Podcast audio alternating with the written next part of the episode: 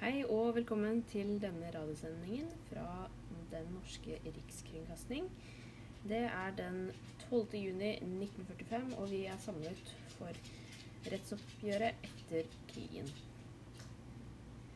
Vi skal nå få høre på seks personer som skal få hver sin dom, og da begrunnelsen for at de får denne dommen. Den første personen er Henrik Jørgensen, som er født desember 1923, og sønn av løytnant og SS-mann. Det vi vet om han, er at han har hatt en ganske trøblete oppvekst, og han har hatt uh, problemer med atferdsvansker og begynte som 15-åring å skulke skolen og drikke brennevin.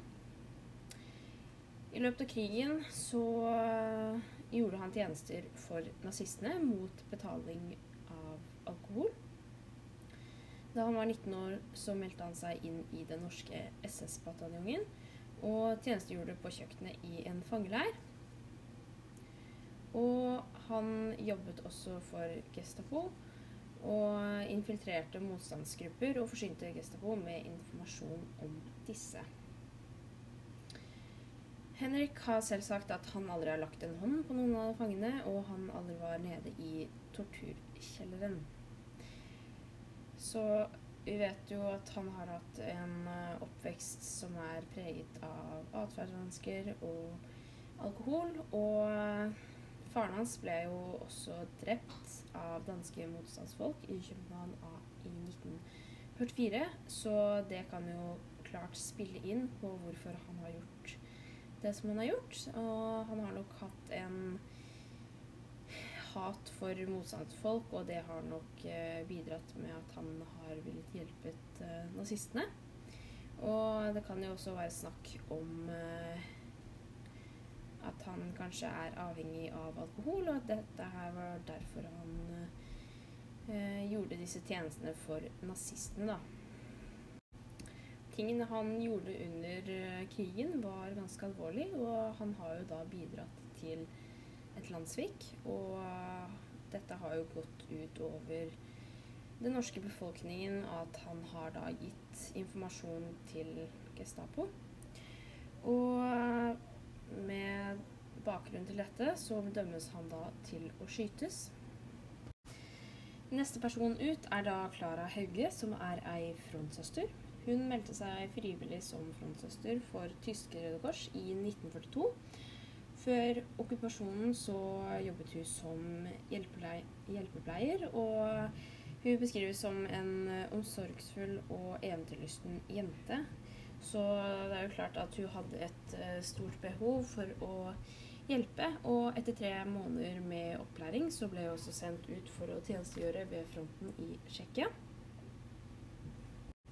I henhold til eh, Genévekonvensjonen av 1864 eh, sier jo den at skadde i krig skal få medisinsk behandling, og at sanitetspersonell skal beskyttes.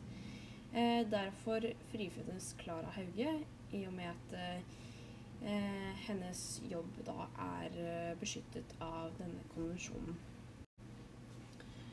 Vi skal nå til ei enda jente som kalles Anne Bakken. Og som 17-åring så jobbet hun i en tobakksforretning i Oslo. Der hun møtte den tyske soldaten Helmut. Det ble kjærlighet ved første blikk, og de fikk etter hvert en sønn sammen. Helmut og Anne ønsket også å gifte seg, men eh, det fikk de ikke lov av tyskerne.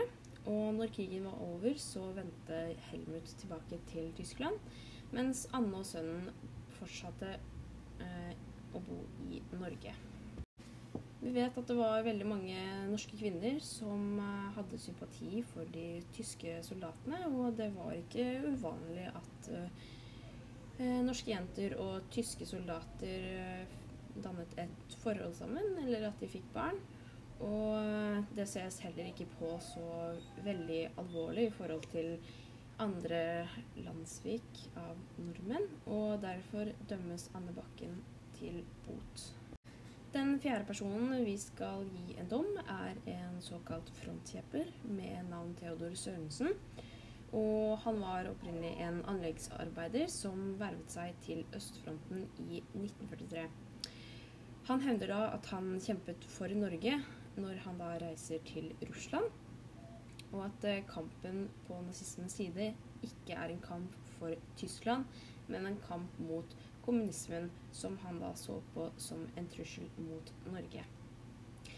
Han argumenterer også med at uh, tyskerne okkuperte Norge 9.4.1940, og at det derfor var aldri noe krig mellom Tyskland og Norge. Vi vet jo at veldig mange av de norske frontkjemperne faktisk ikke kriget for uh, nazistenes del, men at de var redde for kommunismen, og at dette her var et argument som var veldig gjeldende for veldig mange.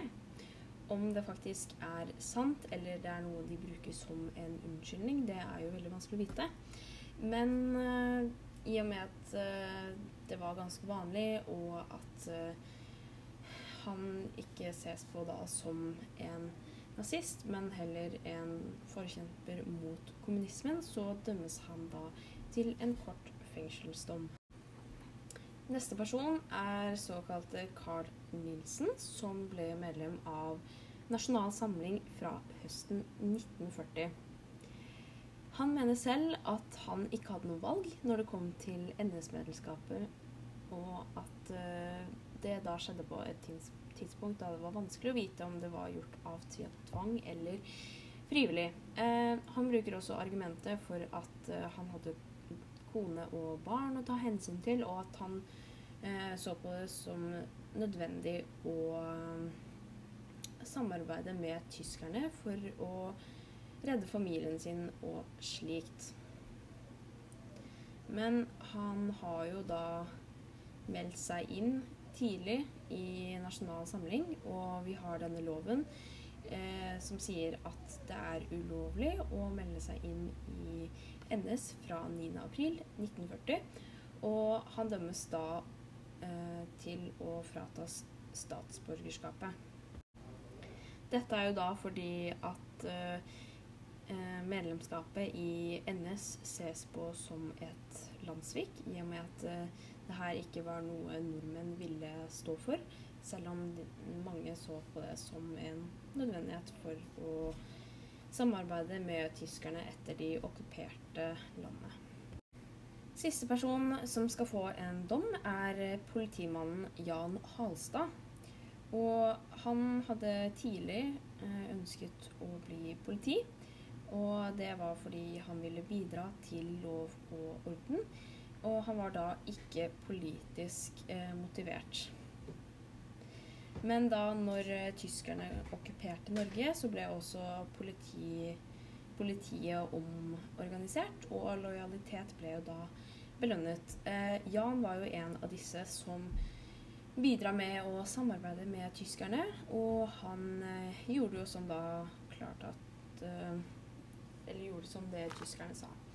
Eh, en hendelse som er verdt å nevne eh, med Jan, det er at 26.11.1942 så var det over eh, 300 nordmenn i, som hadde samlet seg.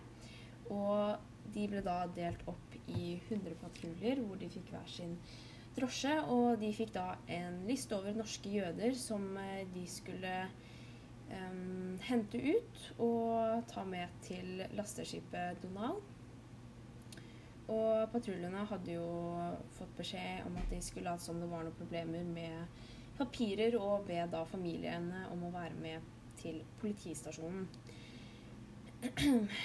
Når Jan kommer da frem til et av disse husene hvor en jødisk familie bodde, så snur taxisjåføren seg til Jan og sier at uh, dette er gården min, dette er naboene mine, og spør da om å gi dem et lite forsprang. Eh, dette ignorerer eh, Jan og fortsetter med å følge denne prosedyren. Jan påstår jo da at han er en mann av lov og orden, og at han ikke vil eh, bidra med sin politisk meninger, da, at han ikke er politisk motivert. Eh, denne hendelsen er jo da litt kontroversiell, i og med at eh, å gi naboene et forsprang hadde jo mest sannsynlig gått ubemerket, og det kunne jo da faktisk ha spart uh, liv. Og da, når han da valgte å følge denne prosedyren likevel, så viser det jo at han har en eh, slags politisk tilknytning til å følge liksom nazistenes ideologier, da. Og derfor dømmes han til livstid i fengsel, fordi han nevner selv at han ikke er politisk motivert, men det er jo hendelser som sier da motsatt. Dette var da dagens sending fra rettsoppgjøret i Norge etter andre verdenskrig. Takk for meg.